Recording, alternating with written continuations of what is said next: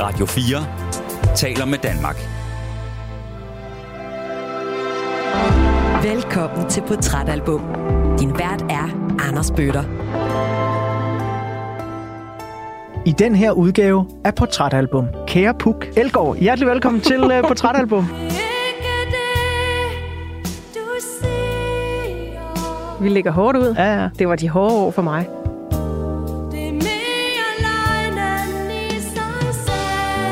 Jeg kommer til øh, efterskolen øh, som sådan et kommunebarn. Men man kom på efterskole, hvis der var nogle problemer derhjemme, og det var der hjemme hos mig. Jamen altså, da jeg starter på efterskolen, er jeg 14, og jeg har ikke boet hjemme siden. Så jeg flytter sådan set hjemmefra som 14-årig. Det er livet, der begynder nu. Altså, jeg, der var et andet sted at være, og der var nogle andre konstellationer, nogle andre venskaber, nogle andre ting. Så får jeg et kæmpe angstanfald midt på scenen, hvor vi spiller Strindberg. Så var jeg bange for at gå på scenen. Og så kom der jo nogen, der ligesom sagde, hey, du skal bare tage en guld, eller du skal bare et eller andet. Og så tænkte jeg, get the fuck out of here. Altså, jeg skulle bare væk, mens øh, at det ikke ligesom blev en ting, at man kunne gøre. Ja, for det var jo netop det, du kom fra. Det var nemlig lige præcis det, jeg kom fra. Jeg har aldrig drømt om at blive nogen som helst form for star. Slet ikke. Nogensinde har det været en drivkraft. Men ser du, jeg kunne ikke finde ud af at gå i skole. Så jeg måtte ligesom jonglere med de bolde, jeg havde. Ja. Og jeg kunne fortælle en god historie, og jeg kunne få folk til at fortælle mig historier.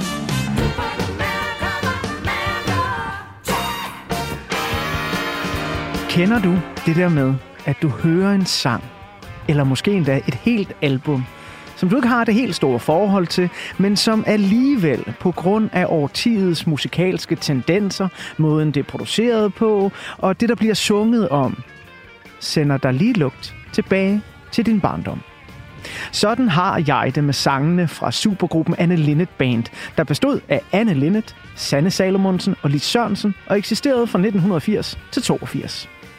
Jeg er næsten sikker på, at deres to albums ikke er blevet spillet i mit barndomshjem.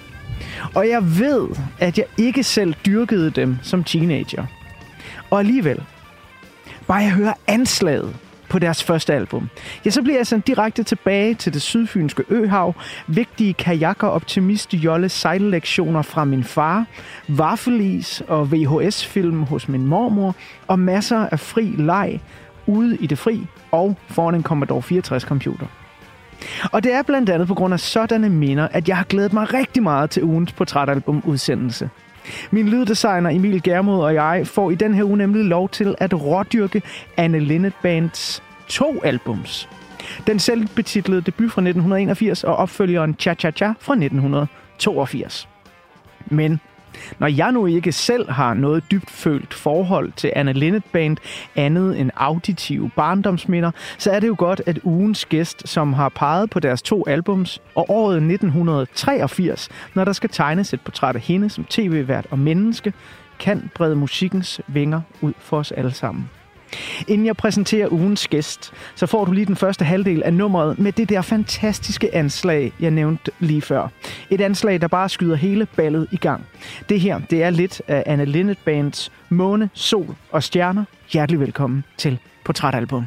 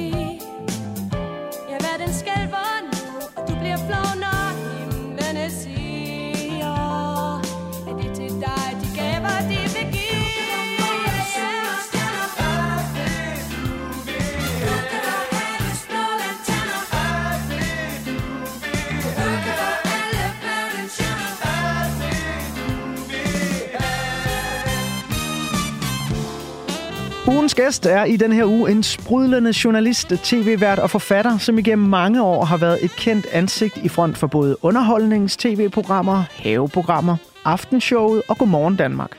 I 2011 modtog hun hæder som årets kvindelige tv-vært fra både Billedbladet og TV-prisen. I 2019 udgav hun selvbiografien Se mor, jeg danser. Og sidste år, i 2022, modtog hun som en sanden også tv-prisen igen, denne gang som årets faktavært. Og så var hun i en kort periode forkvinde for Børnerådet. Hun er en 55 sommer ung menneskekender, som her i 2023 har besvaret mere end 2.500 breve i ugebladet Familiejournalen, hvor hun siden 2012 har haft sin egen brevkasse. Kære Puk, Elgård, hjertelig velkommen til uh, Portrætalbum. Tak, Anders. Den der tak. sidste linje, den har jeg virkelig siddet og øvet mig på, hvordan Jamen. jeg skulle formulere rytmisk. Ja, men jeg synes, den var flot. Den sad lige i skabet. Der vil være trofaste lyttere af Portrætalbum, som synes, at de allerede nu kan høre, at det lyder lidt anderledes, end det plejer at gøre her i programmet. Mm-hmm. Og det er simpelthen, fordi vi sidder ude i din, må jeg sige, fantastiske have. Ja, kan. Har, du, og, har du vendt blikket den vej, der er skoven? Der er harskoven. Lige der. Lige For enden af haven, ikke? Øh, og din hund Alba ligger og øh, blærer sig med hendes rygcrawl øh, på græsset. Og øh, vi øh, sidder næsten i skygget af et gigantisk kastanjetræ, Mm-hmm. øh, som har måttet lade livet for nogle år siden, men der står stadig meget, jeg vil ikke engang kalde det en stup, det er jo et helt træ, I har stående stadigvæk. Og der er ild i, øh, ja, pejsen kan man ikke kalde det, men det største bålfad, jeg har set i hele mit liv. Ja, det er der. Og det er øh, selvfølgelig også, fordi du skulle komme, men det kunne også have været en dag, hvor du ikke var her. Jeg sidder meget tit herude, hvor vi sidder lige nu. Jeg fornemmer lidt, at det her det er meget af, af Puks sted, altså selve sted. haven her, ikke? Jeg kan bedre lide at være ude, end jeg kan lide at være inde. Hvorfor tror du, det kan være? Mm, ja, hvorfor kan det man egentlig være? Altså, jeg er ikke barn af noget, der ligner en outdoor-sko eller støvle eller noget som helst. Jeg tror nærmest, jeg kan slet ikke huske mine forældre udenfor. Okay. Ikke sådan, Men Nej. det kan være, at vi kan komme tilbage til senere, hvorfor man er draget af at have sit eget space mm. udenfor. Øh, lige om lidt, så dykker vi simpelthen direkte ned en hel masse musik, som du har valgt. Øh, og der er sat lidt på, bare lige for at, at putte os i stemning, så kunne hofterne jo ikke sidde stille her på den her meget flotte havebænk, vi har installeret os på. mm. Øhm, og, og hvad Anna Linnet Band kommer til at betyde for dig i begyndelsen af 80'erne, det skal vi også snakke lidt om. Lige nu kunne jeg bare godt lige tænke mig at stikke en finger i jorden. Øh, hvis man følger dig på de sociale medier, Mm. så vil man vide, at du har holdt det såkaldt hvid januar. Du Ja. har slukket for mobiltelefonen. Ja. Og vi sidder jo her nu i sådan lige start midt februar. Ja. Hvordan er det gået? Hvordan har Puk Elgård det lige nu? Hvad, det er gået rigtig, rigtig godt. Det var langt mindre svært, end jeg troede. I virkeligheden så drikker jeg ikke særlig meget. Jeg har et lille smule stramt i forhold til alkohol, men jeg tænkte, nu lader jeg bare lige det der øh, få glas hvidvin være. Det var nemt. Det var faktisk rigtig rart, selvom jeg var til mange sammenkomster. Og det med de sociale medier, ikke? Mm-hmm. Jeg er kun på Instagram. Jeg har ikke haft Facebook i mange, mange år, og jeg er heller ikke TikTok og sådan noget. Men øh, det var bare rart. Det var rart ikke at skulle være til stede nogen steder. Og det der, jeg har sådan der måned eller ugenlige, hvor man ser, hvor meget. Jamen altså, det, det var jo helt vildt, så meget det faldt. Ja. Igennem øh, de næste to gange 55 minutter, så skal vi have tegnet et øh, portræt af dig. Og øh, det skal vi som altid her i Portrætalbum gøre ud fra musik, som du, min gæst, har valgt. Og øh, du har altså valgt øh, Anne Linnet Band Puk og deres to albums, som du hørte meget i dine år på Mellerup Efterskole. Du går der fra 1982 og til 1984, og derfor så har jeg så været den, der ligesom har udvalgt, okay, vi taler om 83. Det er Mhm. lige midten af det hele, ikke? Mm. Øhm, hvad 1983 øh, det er øh, for- et år for dig, og hvad opholdet på Mellerup Efterskole betød, det vender vi som sagt tilbage til lidt senere, når jeg bladrer op på de første sider af portrætalbummet. Men øh, inden vi kommer så langt, så skal vi lige have resten af åbningsnummeret på Anna Linnet Bands første album, Måne, Sol og Stjerner.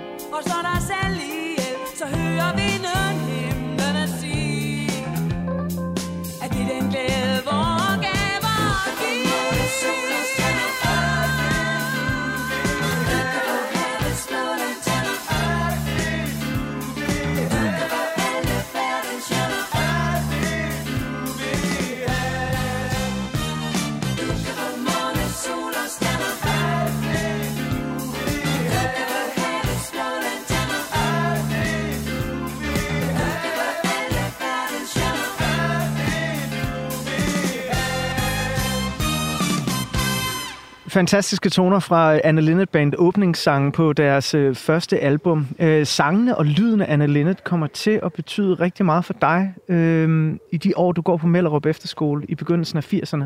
Og øh, jeg synes lidt, at inden du lige får sådan fortalt, hvordan Anna Lindet kommer ind i livet, og hvad de her år på efterskolen betyder, så er det måske også på sin plads at få lidt forhistorie med. Fordi et hvert barn, der tager afsted på efterskole, kommer jo fra ja, noget helt andet end efterskolelivet. Ikke? Mm-hmm. Så her på den første side af portrætalbummet, wow. der er et lille billede. Vi ligger hårdt ud. Ja, ja. Det var de hårde år for mig. Et Så lille os- billede af dit barndomshjem, Ja, ja, vi eller tager- dine barndomshjem. Vi tager et lille, en lille overflyvning. Øhm, Jeg kommer til øh, efterskolen øh, som sådan et kommunebarn, der får bevilget et ophold på efterskolen, og det er jo noget af det bedste, der er sket for mig. Dengang var det mere almindeligt, at man blev, det ved, ikke anbragt, men man kom på efterskole, hvis der var nogle problemer derhjemme, og det var der hjemme hos mig.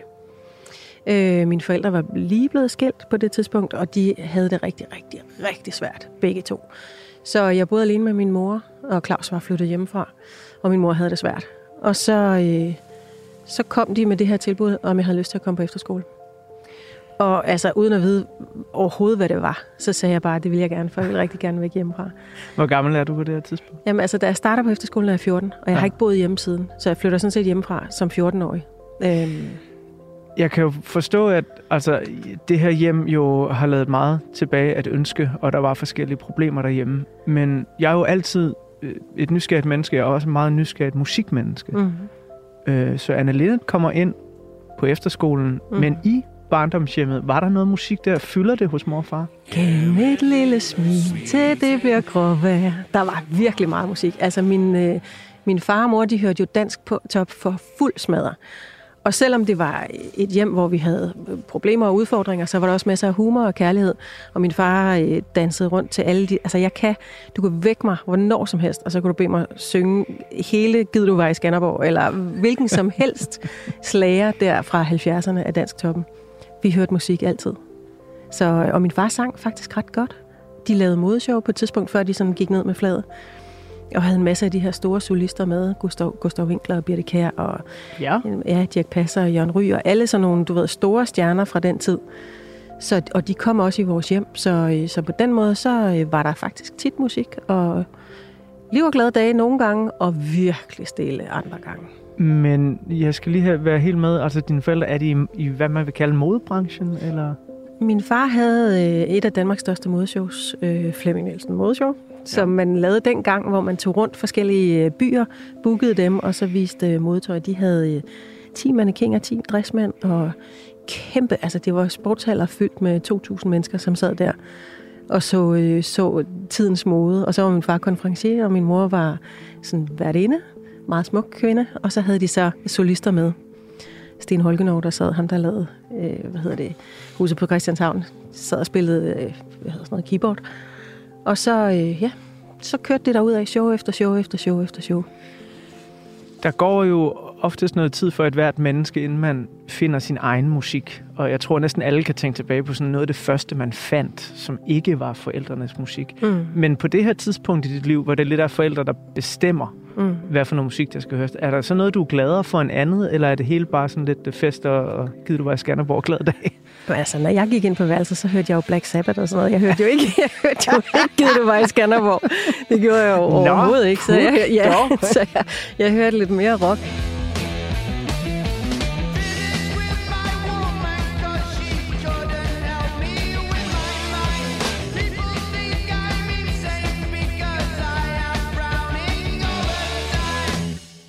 Men altså, det var først på Mellerup, hvor jeg sådan selv ligesom blev en del af musikken. Fordi det er jo noget af det gode ved at komme på en musik efterskole, at det er jo lige meget, altså om du står med et franskbrød og en pind, eller en koklokke og en anden pind, eller om du får lov at spille bas, og det lyder helvede til.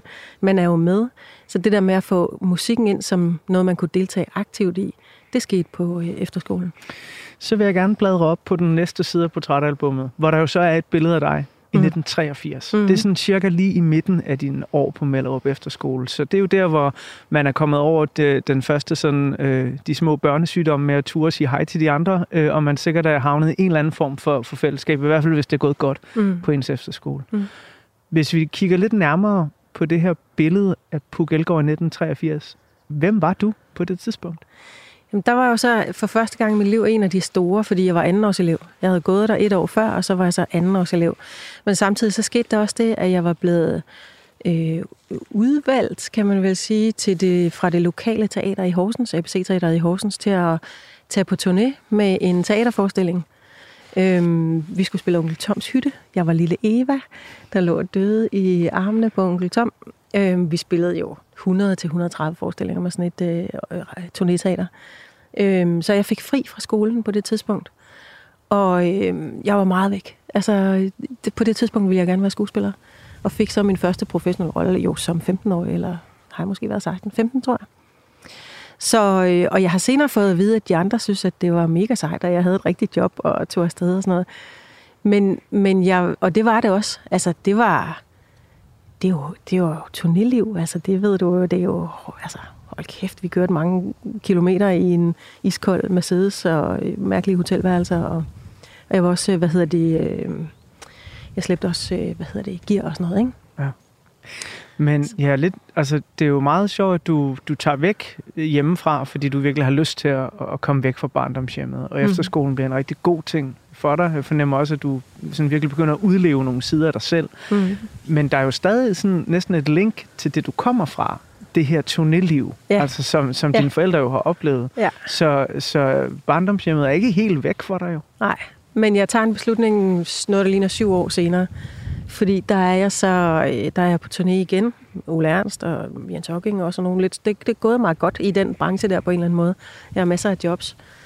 Så får jeg et kæmpe angstanfald midt på scenen en dag, hvor vi spiller Strindberg, Hemsøboerne, og jeg skal sådan halte frem til den ene. Jeg, er sådan, jeg hedder Lille Lotten med klumpfod, som er klarsynet, og ligesom vandrer frem til scenen og siger min slutreplik, så må det gå, som det bedst kan, og så går tæppet for. Øh, og der fik jeg simpelthen, altså jeg var så træt og helt smadret, og der var rigtig mange problemer derhjemme og sådan noget. Og så tænkte jeg bare, eller så, så blev jeg hentet og sendt på sygehuset midt under den der forestilling der, og ville jo tilbage og spille videre og sådan noget. Og så var jeg bange for at gå på scenen. Og så kom der jo nogen, der ligesom sagde, hey, du skal bare tage en guld, eller du skal bare et eller andet. Og så tænkte jeg, get the fuck out of here. Altså, jeg skulle bare væk, mens øh, at det ikke ligesom blev en ting, at man kunne gøre. Ja, for det var jo netop det, du kom fra. Det var nemlig lige præcis det, jeg kom fra. Så man kan sige, øh, den oplevelse der, den gjorde, at, øh, at jeg tænkte, det, det er ikke sikkert, det er så sundt for mig at blive i det her miljø. Og så øh, tog du nogle andre veje i livet, som jeg glæder mig til at komme tilbage til øh, lidt senere. Lige for nu, der vil jeg gerne øh, blive lidt nede i efterskoleårene her, fordi det er også her, musikken begynder at betyde enormt meget for dig. Dels det med at høre det, og dels det med at udleve det selv. Ikke? Jeg vil lige om lidt bladre op på en side af portrætalbummet, hvor der så er et portræt af året 1983. Men øh, inden da, så skal vi høre øh, lidt af nummeret Livet, det begynder nu, Ja. fra det andet album, Cha Cha Cha. Ja, Og du skrev sådan til mig, det nummer, det er ja. Mega vigtigt, det bliver vi nødt til at høre. ja. Og, altså titlen siger vel næsten sig selv. Ja. men hvordan ramte det dengang? Jamen, det er jo det der med, altså, hvis, hvis man vil gøre sine børn en tjeneste, så skal de jo have lov til at være uden deres forældre en gang imellem. Det er jo der, man definerer sig selv på en eller anden måde. Og det var jo lige præcis det der, det er livet, der begynder nu. Altså, jeg, der var et andet sted at være, og der var nogle andre konstellationer, nogle andre venskaber, nogle andre ting. Øhm, så når, når vi spillede det inde i aflagen og i musiksalen og sådan noget, jeg kan stadigvæk sådan helt få gås ud over det, fordi jeg tænkte, okay, måske er der mere til mig derude.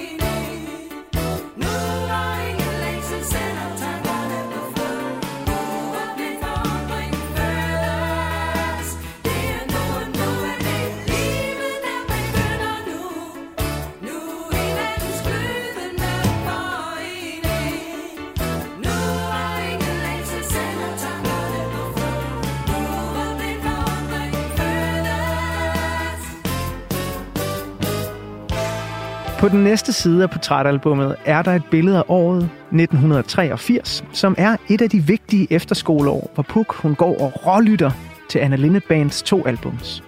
Men hvad er det egentlig for et år? Hvad sker der ude i den store verden, og herhjemme i det lille land med hue og skyklapper på? Det kan du blive klogere på i det her lille miniportræt af året 1983. Spændingerne eskalerer i den kolde krig. Igen. Vestblokken med USA i spidsen og Østblokken med Sovjetunionen i front har ellers været igennem en sådan relativt fredelig periode.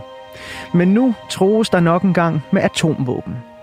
NATO's famøse dobbeltbeslutning fra 1979, hvor det besluttedes, at der skulle opstilles over 500 amerikanske atommissiler i Europa, hvis ikke Rusland havde nedrustet inden 1983, blev dråben, der fik bæret til at flyde over for mange europæere. I Greenham Common i England dannede 80.000 demonstranter derfor en levende mur uden for en amerikansk flybase. The 160 cruise missiles based in Britain will have the range to strike deep into Warsaw Pact territory, including Moscow. In the east at the moment are 350 SS 20 rockets, each with three nuclear warheads. Roughly two thirds face or could face Europe and could hit virtually every capital city. Og ser man tilbage på året 1983, så forstår man virkelig godt frygten for atomkrig. Den 26. september var det nemlig ved at gå helt galt. Et sovjetisk radarsystem ramtes af fejl og udsendte et falskt varsel om, at USA havde affyret atommissiler mod Sovjetunionen. Og var det ikke for den sovjetiske officer Stanislav Petrov, The Soviet colonel who famously saved the world from nuclear war som opdagede den her vanvittige fejl, og de facto var med til at afblæse et sovjetisk atommodangreb, så havde verden måske set helt anderledes ud i dag. Petrov received hundreds of letters of recognition from all over Europe, but he never understood why. He said he had just been doing his job. Vil man gerne gemme sig for den kolde krigs redsler i 1983, så er der virkelig god mulighed for total eskapisme i Hollywood-filmenes verden. Det er nemlig året, hvor den tredje Star Wars-film i franchisen får premiere og bliver årets mest sete biograffilm. Den overhales dog på en måde indenom af en film, der faktisk udkom året før. Steven Spielbergs fantastiske E.T. bliver nemlig sendt ud på hjemmevideomarkedet i 1983. Og da E.T. var den mest sete biograffilm i 1982 og solgte for i alt 194 millioner dollar, da den udkom på VHS, ja, så blev det lille mesterværk i 1983 kåret som den bedst sælgende film nogensinde. It would be a movie of kids, about kids, and therefore, Spielberg thought, appeal only to kids. He was convinced this little movie would not be a big hit. But E.T. the Extraterrestrial proved that even Steven Spielberg can be wrong. I begyndelsen af 80'erne, der er der krise i dansk film. I 1982, der blev der for eksempel kun udsendt i alt syv danske spillefilm. Til sammenligning, så var der i 2022 premiere på 30 nye danske spillefilm. Men en ny filmlov fra 1982, øget filmstøtte og nye fremadstormende talenter sikrede op igennem 80'erne dansk film både national og international succes. Den kommer blandt andet, da Lars von Trier går i gang med at indspille sin debutfilm Forbrydelsens Element, og på grund af filminstruktør Bille August, der i 1983 udsender den barske nyklassiker Sabba. Du vil jo gerne være med i hulen, ikke, Nulle? Men det er ikke kun i dansk film, at der udkæmpes vigtige slag i begyndelsen af 80'erne. 1983 er eksempelvis både året, hvor barselsårloven udvides fra 14 til 24 uger, og året, hvor københavnske besættere snyder politiet i en bemærkelsesværdig aktion. Det besatte Alotria-hus på Korsgade 45 i Nørrebro, København, skal rives ned. Derfor møder 1000 politibetjente frem for at rydde huset for besættere og efterfølgende totalt smadre det, så det bliver ubeboeligt. Men til politiets store overraskelse er huset tomt. Inspireret af kendte flugtmetoder fra 2. verdenskrigs fangelejre, havde besætterne gravet en tunnel under Korsgade. Tunnelen endte i en blikkenslagerforretning over på den anden side af gaden, hvor omkring 35 besættere kom op af hullet i butikkens gulv. Inden flugten fra Alotria-huset havde besætterne hængt et nu legendarisk banner ud fra bygningens vinduer. Der stod, vi bestemmer selv, hvornår vi vil slås. Altså, vi bestemmer selv, hvornår vi vil slås, og så synes vi, det var meget sjovt at gøre politiet til grin på en gang. Skyld. Det var 1983. Wow. Ja, er du god. tilbage i en tidsmaskine. Ja. Var der noget af det her, som man som ung øh, pige, kommende kvinde, opfatter, når man går på Mellerup efterskole og bare har det fedt med Anne Lindes bane? Ja, det hele, synes jeg. Hallo, Tria. Jeg kan sådan... Øh, faktisk så, øh, siden jeg var øh, den alder der, har jeg været... Der fik jeg sådan en drøm om, at jeg skulle dø af en atombombe. Er det rigtigt? Mm. Og jeg drømmer den stadigvæk, og lige nu er den jo... Altså, okay, nu, vi, nu har vi været her så længe, og det er anden gang, vi sådan står og virkelig kigger hinanden i øjnene og siger, at det her er en mulighed. Ikke? Men jeg drømte, at jeg var sad på en gynge ude i en have, sidder og gynger, gynger, gynger frem og tilbage. Og så pludselig ude i horisonten, så ser jeg den her paddehatte. Og så ved jeg, at lige om lidt, så skal jeg dø. Og det skal vi alle sammen. Og det er sådan, der er helt stille, og jeg sidder der alene, gynger frem og tilbage, og så ser jeg det der og tænker, det var det. Og den drøm har jeg drømt lige siden der i den kolde krig, altså det tilbage i 80'erne, som du beskriver der. Og jeg drømmer den stadigvæk. Er der noget af den her gamle frygt fra 80'erne, der begynder at tit frem igen hos dig? Nej, jeg tror, jeg tænker det omvendt. Øh, jeg tror, jeg tænker, at vi klarede den dengang. Det, øh, vi skal nok løse det. Sådan tror jeg mere, jeg tænker det. Men frygten dengang, og jeg kan huske, i dag snakker vi jo meget mere med vores børn, end vi man snakkede med os dengang. Men jeg spurgte engang min far, om der kom krig, og om vi skulle dø, og, og så sagde han, nej, nej, krig det er ligesom sådan en ventil, hele verden, den er hele tiden ved at eksplodere, og så er der noget, der ligesom bobler op nogle steder, fordi så kommer, bliver der lukket noget af al den her energi ud. Det er nødvendigt, der vil altid være et eller andet et eller andet sted. Han forklarede mig det på den måde, det er jo ikke, altså fordi jeg tænker, det er rigtigt, men det var ligesom det, han sagde, og så tænkte jeg, nå okay, jamen, så skal der altid være nogen, der brydes et eller andet sted, for vi kan ikke være på jorden, uden at der ligesom er konflikter nogle steder. Og, og når jeg ser på den tid, nu har jeg jo ansvaret for nogle unge mennesker og nogle børn, jeg skal snakke med og sådan noget, så prøver jeg at være rolig på samme måde, og tænke, og jeg tænker faktisk et eller andet sted inderst inden, at det nok skal gå. Så jeg har ikke den samme, jeg har ikke den stamme, jeg har en erfaring med, at det gik jo godt. Ja. Og den vælger jeg at klamre mig til, men det betyder jo ikke, at jeg ikke også sidder anspændt og ser nyhederne og følger med i, hvad der egentlig sker. Ikke? Fordi jeg synes også, vi er tæt på, på en uro, jeg ikke har oplevet siden dengang. Så er jeg jo nysgerrig på, når du netop har kontakt med unge, og den tid, vi har været igennem i dag, øh, eller ikke i dag, men i, i de her år. Mm. Øh, corona mm. var en ting, som jeg tror tog rigtig mange på sengen, at man havde ikke øh, i, i vores levetid oplevet måske så omfattende øh, en pandemi og, og, og sygdom. Øh, kunne du også trække på en eller anden erfaring fra, fra den kolde krig dengang, eller var det bare pukke helt nyt territorie igen? Nej, men altså, kriser er mit speciale. Altså, Ja. det, dem, har jeg, dem har jeg gået igennem nogle stykker af. Så, så jeg har egentlig en øh, forholdsvis stærk tro på, at vi kommer igennem tingene. Og så snart mennesker forstår, at, at øh, vores eneste superpower, det er fællesskab, ikke også? Altså, vi er nødt til at holde sammen, så skal det nok gå alt sammen. Men jeg synes, det er hårdt at være ung i dag. Altså, fordi de ser jo ind i en tid. Jeg hører flere og flere unge mennesker sige, at de vil ikke have nogen børn, fordi klimakrisen er stor. og, Øh, nu har de lige været igennem en pandemi. Øh, nu snakker vi om to, 3. verdenskrig en gang til her og sådan noget. Altså, så der er mange mennesker, mange unge, jeg snakker med, der siger, ej, det ved vi sgu egentlig ikke, om vi vil sætte børn i den her verden.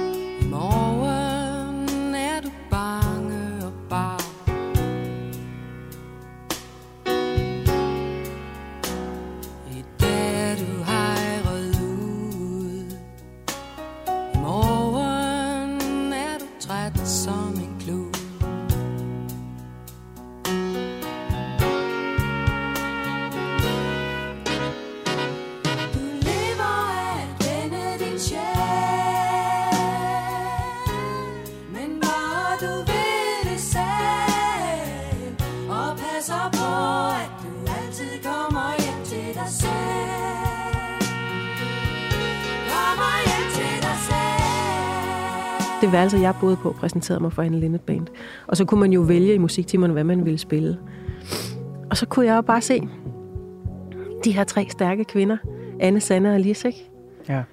Jeg tænkte bare, okay, øh, sådan kan man også være kvinde. Altså, de var forskellige. De var jo, de repræsenterede hver deres, ikke? Der var Anne, som var lidt mystisk, og måske også lidt for mystisk for mig, og lidt for, jeg forstod ikke helt, men stærk var hun jo ikke også. Og så var der Sanne, som åbenlyst var øh, inspirerende. Du kan jo bare se, at jeg har lige så langt hår og kopperstøvler. Og Altså, sådan du, noget der. som du sidder her, du, du ligner hende faktisk en jeg kunne lige så godt have byttet tøj, ikke også? Altså, øh, øh, og så var der den so- sofistikerede, synes jeg, Lis Sørensen, som så præcis ud, som jeg ville ønske, at jeg øh, så ud med langt mørkt hår, og det vil man jo altid.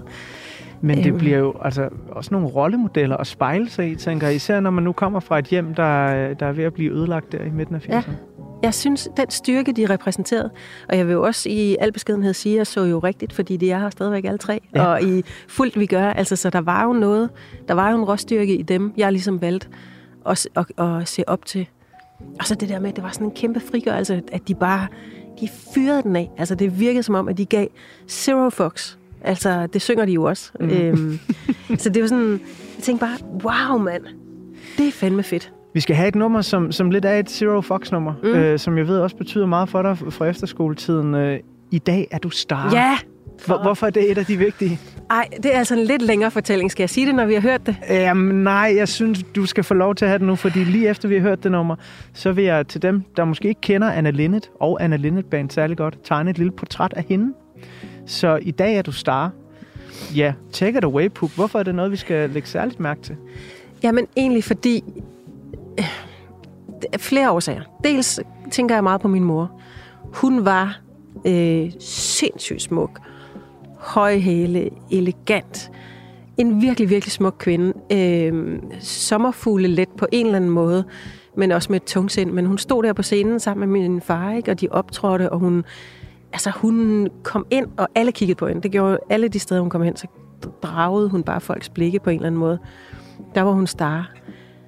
Og så var der den mor, der lå på sofaen derhjemme i badekåbe og ikke kunne overskue sit liv og var ked af det. Og, og nu er Alba lige ved at få et eller andet galt i Det er en hund, Ja. der lige har fået noget galt Ja. i halsen. Der er også meget røg her.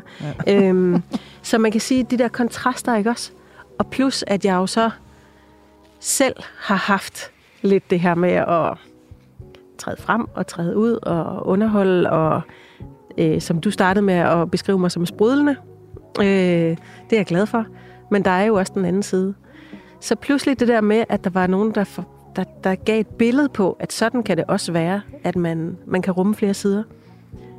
Det var, sådan, det var igen sådan en kuldegysning. Ah, gud, de synger om noget, som jeg kan forstå. Det var altså som musikformidler gennem en hel karriere, må jeg sige, bedre oplæg, end jeg overhovedet kunne have gjort det. Det og derfor godt. så skal vi selvfølgelig have det nummer lige her, inden du får et lille portræt af musikeren Anna Linnet og bandet Anna Linnet Band.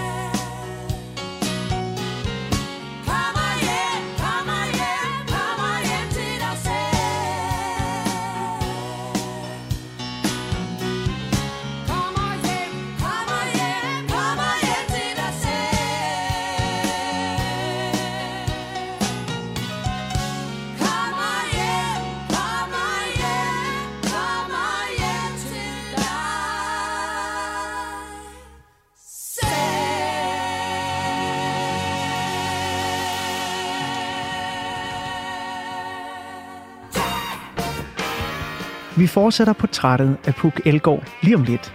Men lige nu, der vil jeg bladre om på portrætalbummets næste side, hvor der er et billede af Anne Linnet. For selvom det er supergruppen Anne Linnet Band, der er i fokus i den her uges portrætalbum, så vil jeg dog våge den påstand, at det er Anne Linnet, som er bandets primære drivkraft. I hvert fald i begyndelsen. På det første album skriver hun næsten alle teksterne og komponerer langt de fleste sange. På det efterfølgende Cha Cha Cha album er Anne Linnet igen hovedtekstforfatter, imens sangene er komponeret af bandet i fællesskab. Hvis du har lyst til at dykke dybere ned i Anne Linnet Bands korte, men meget spændende historie, så vil jeg anbefale Jan Eriksens bog Anne, Sanne og Lis, samt DR's dokumentar, der også bare hedder Anne, Sanne og Lis. Den kan du finde inde på DR TV. Men for nu, så skal du som altid holde på hat og hijab, når jeg her tegner et ultrakort portræt af Anne Linnet og supergruppen Anne Linnet Band. Anne Christine Kjær Linnet kommer til verden en juli sommerdag i 1953 i Åbyhøj, Aarhus. Hendes far er overkirurg, moren tandlæge, og lille Anne viser som barn sine sangtalenter frem i lokale gospelkor. Allerede inden hun kommer ind på det jyske musikkonservatorium i begyndelsen af 70'erne, bliver hun et kendt ansigt i det aarhusianske musikmiljø, hvor hun spiller sammen med sin kommende mand, Holger Laumann, i den jazzinspirerede rockgruppe Cheers.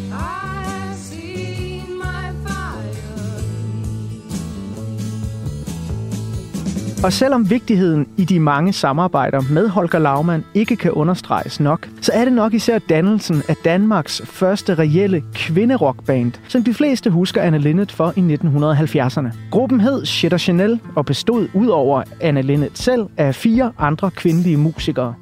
Blandt andet den unge, talentfulde sanger Lis Sørensen. Fra midten til slutningen af 70'erne udgav Shit og Chanel toneangivende albums og kæmpe sange, som eksempelvis Smuk og Dejlig. Jeg gik ind til byen for at kigge efter dig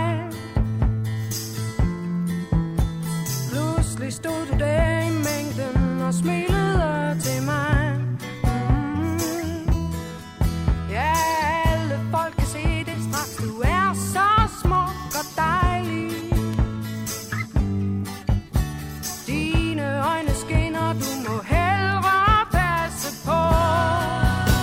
Shit og Chanel spiller deres sidste koncert til åbningen af Musikhuset i Aarhus i 1982.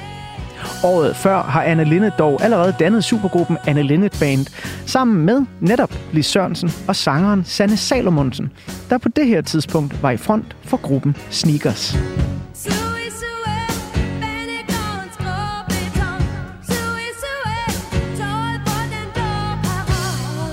Supergruppen Anne Linnet Band hitter blandt andet stort med nummeret Det er ikke det, du siger, og får i øvrigt kæmpe fornyet succes, da de spiller comeback-koncerter i 2019. Her, der skiftede de dog navn til Anne, Sanne og Lis. Efter succesen med Anne Linnet Band forarver Anne Linnet i 1983 det bedre borgerskab. Hun danner nemlig det sadomasochistisk inspirerede band Marquis de Sade. De optrådte med sexede attityder, pisk, lak og læder. Men til trods for rynkede bryn og løftede pegefingre, så hitter også denne gruppe med sange som den for sin tid provokerende Hils din mor. En sang, som Anne Linnet har skrevet til mødrene til de lesbiske kvinder, hun har haft sex med.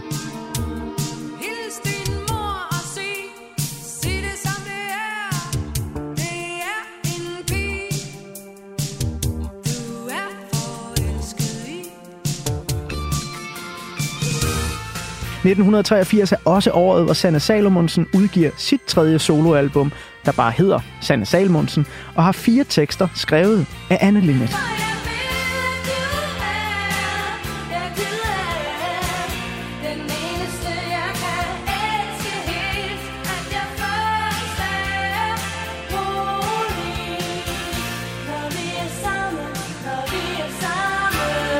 Lis Sørensen udsender sin solodebut Himlen ned på jorden,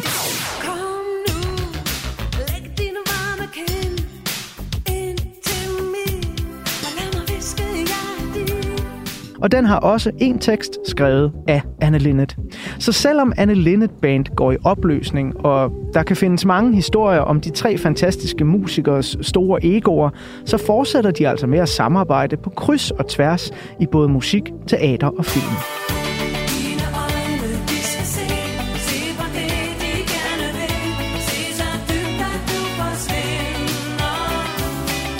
Igennem årene skriver Anne Lindet flere tekster til både Sanne Salmonsen og Lis Sørensen. Tekster, som bliver store hits. Blandt andet Mine øjne, de skal se, fra Lis Sørensens fjerde album.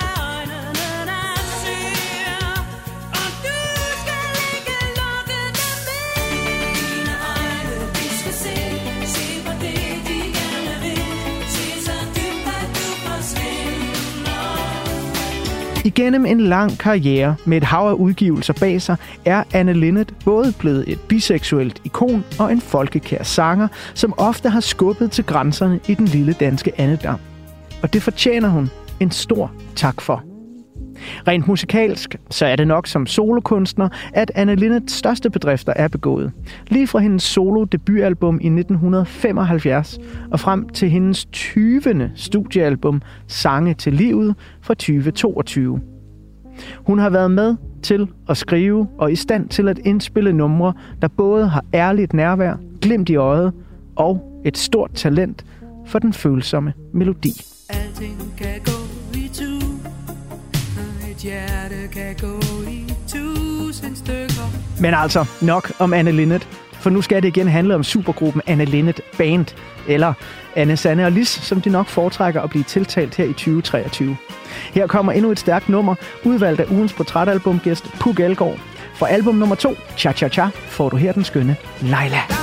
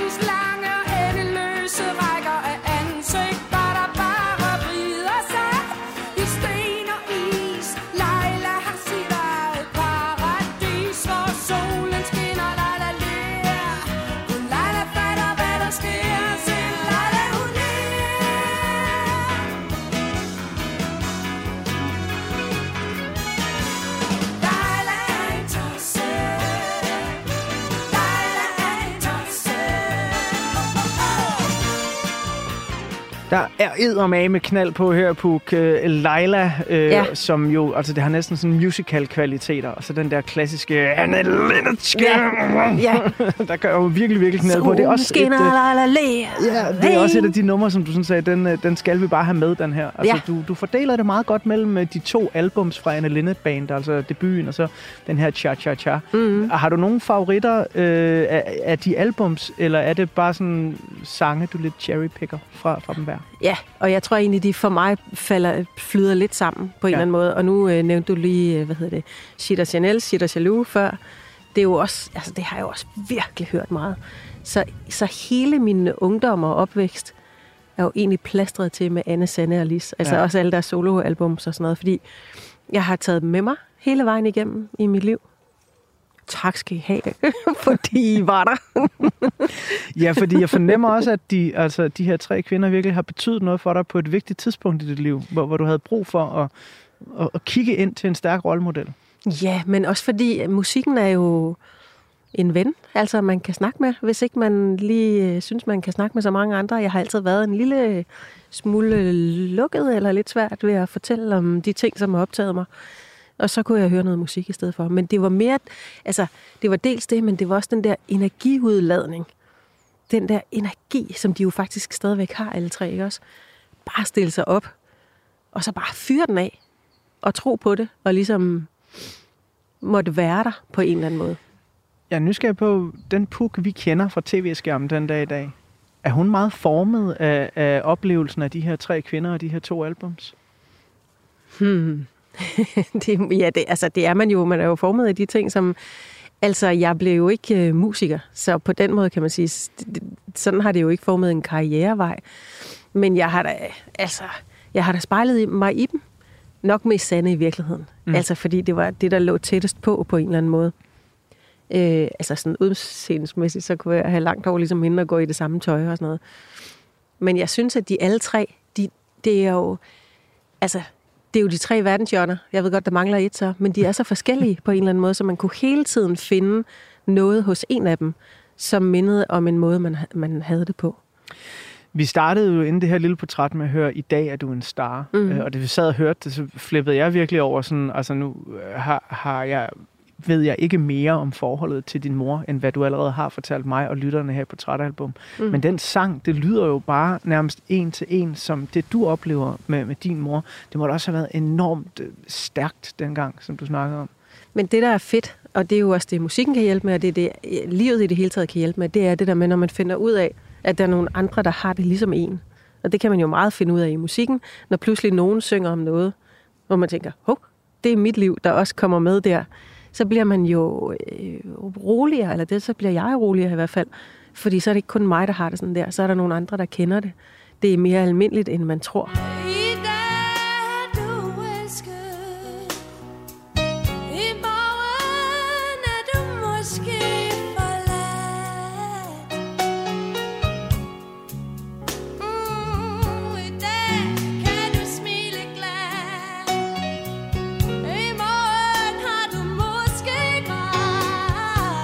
Men den sådan længsel og sørgmodighed, som du også sagde, der var i et nummer, som i dag er en star, er det noget, Puk Elgård har helt privat herude i den her skønne have, hvor vi sidder? Fordi jeg er ret sikker på, at alle dem, der ser dig Mm. på tv-skærmen, tænker sådan, det har hun da ikke. Den der blå tone der, og den der sørgmodighed. Jo, jeg, jeg tror, jeg er mere i, i dur, eller i, mere i mål end i dur i virkeligheden. Altså, man kommer ikke... Ja, det ved jeg sgu ikke. Det, det, der er i hvert fald begge dele. Kontrasterne er der i hvert fald. Man kommer jo ikke ud af en barndom med, med voldsomheder og altså, øh, voldsomme oplevelser, uden at få en eller anden, et eller andet efterslæb af noget blot med sig. Øh, og jeg har altid været stille. Øh, jeg, havde lige kun, jeg har lige fået kontakt med en gammel nabo øh, tilbage på, i Buding, hvor vi boede på Valdemars Allé, dem der boede inde ved siden af. Hende har jeg fået kontakt med på Instagram, og hun sagde, ej, det er så dejligt at se dig i- fjernsynet, du ser så glad ud og sådan noget. Jeg husker dig jo som sådan stille, stille lille pige, der holdt dig meget for dig selv. Og det tror jeg faktisk, altså, og jeg hader at snakke med mig selv, Anders, men det er jo virkelig en god gæst, du har her, som hader at tale om sig selv. Jeg skal gøre mit bedste. Du er ret god til det, synes jeg. Oh, jeg skal virkelig, men altså, du ved, når folk sidder og fabulerer over, så er jeg nok lidt mest sådan der, men så er der også et strejf af det der, og så så man lige meget, så rummede jeg jo også det her og sådan noget. Jeg synes, det er sådan lidt, nå, men jeg skal nok prøve at gøre mig ud af. Der er i hvert fald helt sikkert begge sider, og der er også den, den stille side, fordi jeg bruger mange kræfter på at være på arbejde, og Ja. være, øh, hvad kan man sige, det, øh, som jeg skal, når jeg er på arbejde, og som jeg også godt kan lide, men det er ikke uden omkostninger. Så der er også rigtig mange stille stunder her på bænken ved bålet, eller ude i skoven, eller ja, hvor jeg ligesom heler, eller samler mig, eller som de jo synger, hvis bare du vender hjem til dig selv. Ikke? Altså, så, øh, og det prøver jeg i pauserne.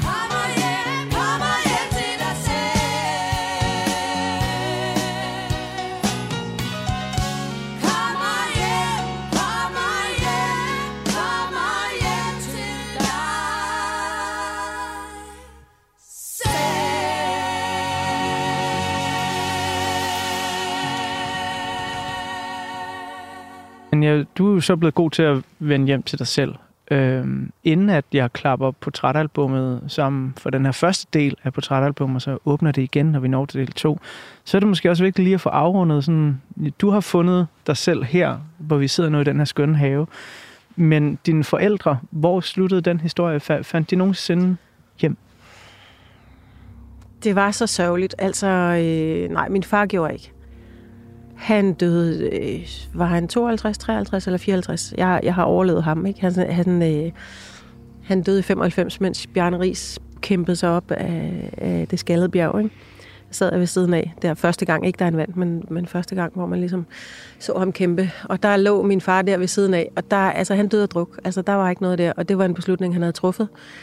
Da de mistede en datter, der sagde han, jeg gider faktisk ikke rigtig mere. Så han drak sig sådan set ihjel, øh, og kom vel aldrig hjem til sig selv, men det gik, som han ville. Altså, han ville ikke andet end det. Han ville leve så længe han kunne på det, han kunne. Og min mor kæmpede og prøvede, og hun var simpelthen lige kommet. Jeg var blevet mor, og øh, hun var blevet mormor, og vi havde fundet hinanden, synes jeg, på en god måde. Og så fik hun kræft i lungerne og hjernen, og hun, det var så uretfærdigt, simpelthen. Øh, det var ikke det, der skulle ske der. Der var hun holdt op med alt de dumme ting, hun kunne finde på med for meget druk og sådan noget. Og så blev hun sgu syg. Og så, øh, så nåede hun at se Robin blive... Øh, hun døde dagen før han blev fire. Og der havde vi fundet hinanden. Der vil jeg sige, der var hun fundet, der havde, var vi fundet hjem og fundet ja, sammen. Hvornår er det her i dit liv? Jamen, det er jo så noget, der ligner 21 år siden. Eller, nej, altså, Robin er, han bliver 22 i år, så han var fire, ja. Så det kan du regne tilbage fra? det, ja. det, det er i hvert fald ikke helt for nyligt. Nej, nej, det er det. Jeg har været forældreløs i mange år. Ja, ja det har ja. jeg. Men der er jo kommet øh, rigtig godt ud af mange hårde oplevelser og en rigtig god tid på Mellerup Efterskole. Og jeg, jeg tror, at der er en eller anden rød linje. Selvom du ikke blev musiker, så har du fået opbygget dig en rigtig imponerende karriere øh, og har nogle mennesker, der elsker at se på dig på tv'et. Blandt andet mig.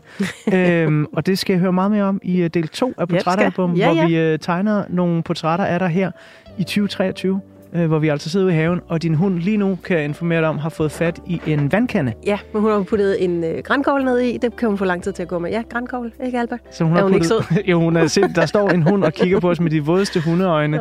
Sød. øh, og hun har så simpelthen puttet en grænkogle ned i en vandkande, ja. øh, og håber, vi vil komme hen og lege med den. Men det er ikke det, der sker nu, Alba, fordi øh, lige nu, der vil jeg... Øh, klappe portrætalbummet sammen, og når jeg så åbner det igen, går vi i gang med del 2 og tegner et portræt af dig her i 2023. Mm. Øh, men hvilket bedre nummer at forlade den her del af dit liv øh, ved at spille Det er ikke det, du siger? Ja. Ej, Var det ikke en god idé? Jo.